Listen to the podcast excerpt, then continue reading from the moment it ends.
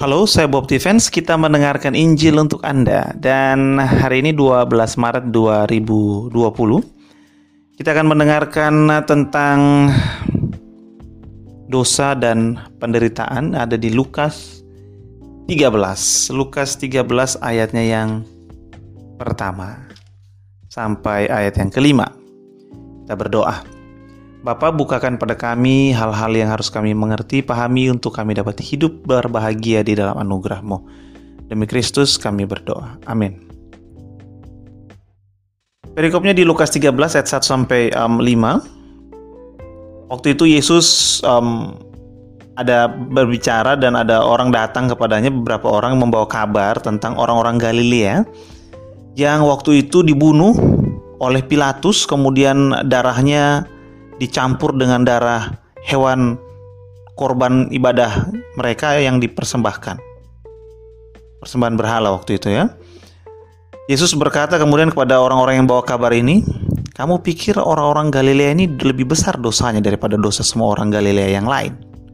Karena mereka mengalami nasib itu. Tidak. Kalau kamu nggak bertobat, kamu semua akan binasa dengan cara demikian kamu sangka 18 orang yang mati? Terus ada Yesus bilang sebuah uh, kasus yang lain. Kamu sangka ada 18 orang yang mati ditimpa menara? Dekat Siloam lebih besar kesalahannya daripada kesalahan semua orang lain yang tinggal di Yerusalem. Tidak aku katakan padamu. Tetapi jika kamu tidak bertobat maka semua akan binasa dengan cara demikian.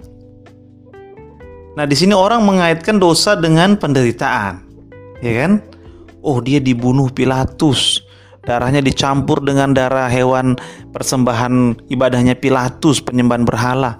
Oh, berarti kesalahannya besar kena azab dia ya kan?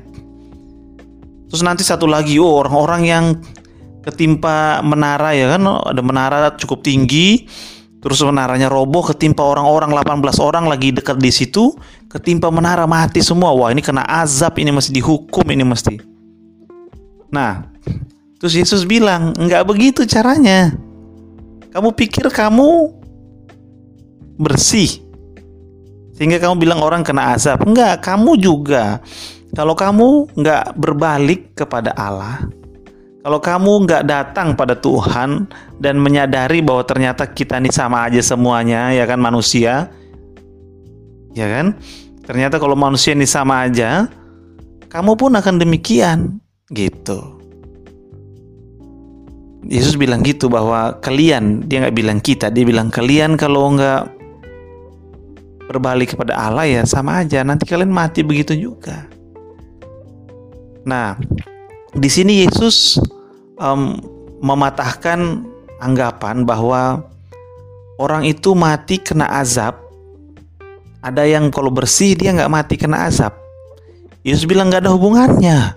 Semua orang akan mati kena azab kalau mereka tidak datang kepada Allah untuk menyerahkan hidup mereka, untuk menyadari bahwa ternyata mereka jauh dari Allah dan perlu datang.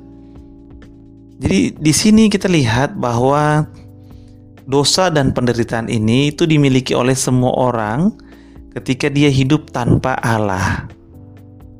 Kalau hidup itu dia hidup dengan keinginannya sendiri, ya kan? Cita-cita sendiri, pikiran sendiri, dia menghidupi hidupnya dengan cara-caranya sendiri. Lo iki kan uripku, ya kan kalau orang Jawa bilang gitu atau ini kan hidupku. Orang Inggris bilang this is my life. I want to do anything with my life. It's my life. It's not your life. Jadi aku mau lakuin apa aja terserah aku dong. Kan ini hidupku. Ada istilah begitu. Yesus bilang nggak begitu. Kalau kamu tidak menyesuaikan diri dengan apa yang Allah inginkan, kamu datang padanya, kamu hidup dengan kasihmu, dengan kasih Allah dalam hidupmu, maka kamu akan sama aja, kena juga. Karena nggak ada perbedaan sebetulnya antara orang yang mati kena azab di Siloam menara itu, kemudian orang yang dibunuh Pilatus dengan orang-orang yang membawa kabar itu dengan kita sekarang nggak ada bedanya.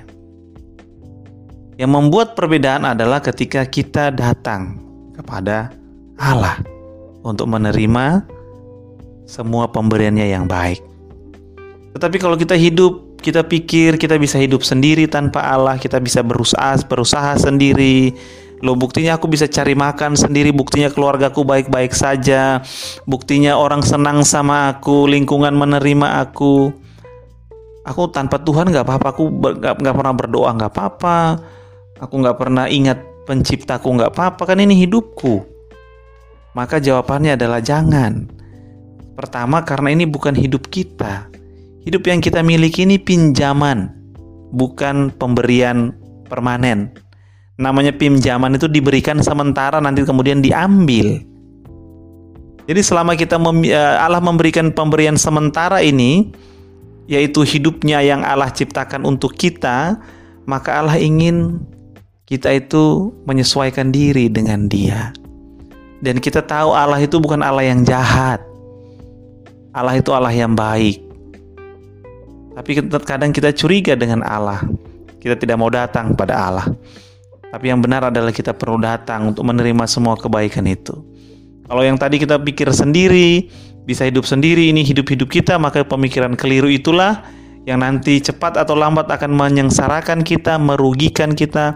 Bahkan kalau kita tetap berkeras hati untuk tidak mau datang dan um, menyerahkan diri kita kepada Allah untuk diberkati, untuk dilindungi, untuk diperbaiki, maka kalau hati kita tetap keras, maka nasib kita tidak jauh berbeda dengan orang-orang yang tadi disebutkan di dalam perikop itu.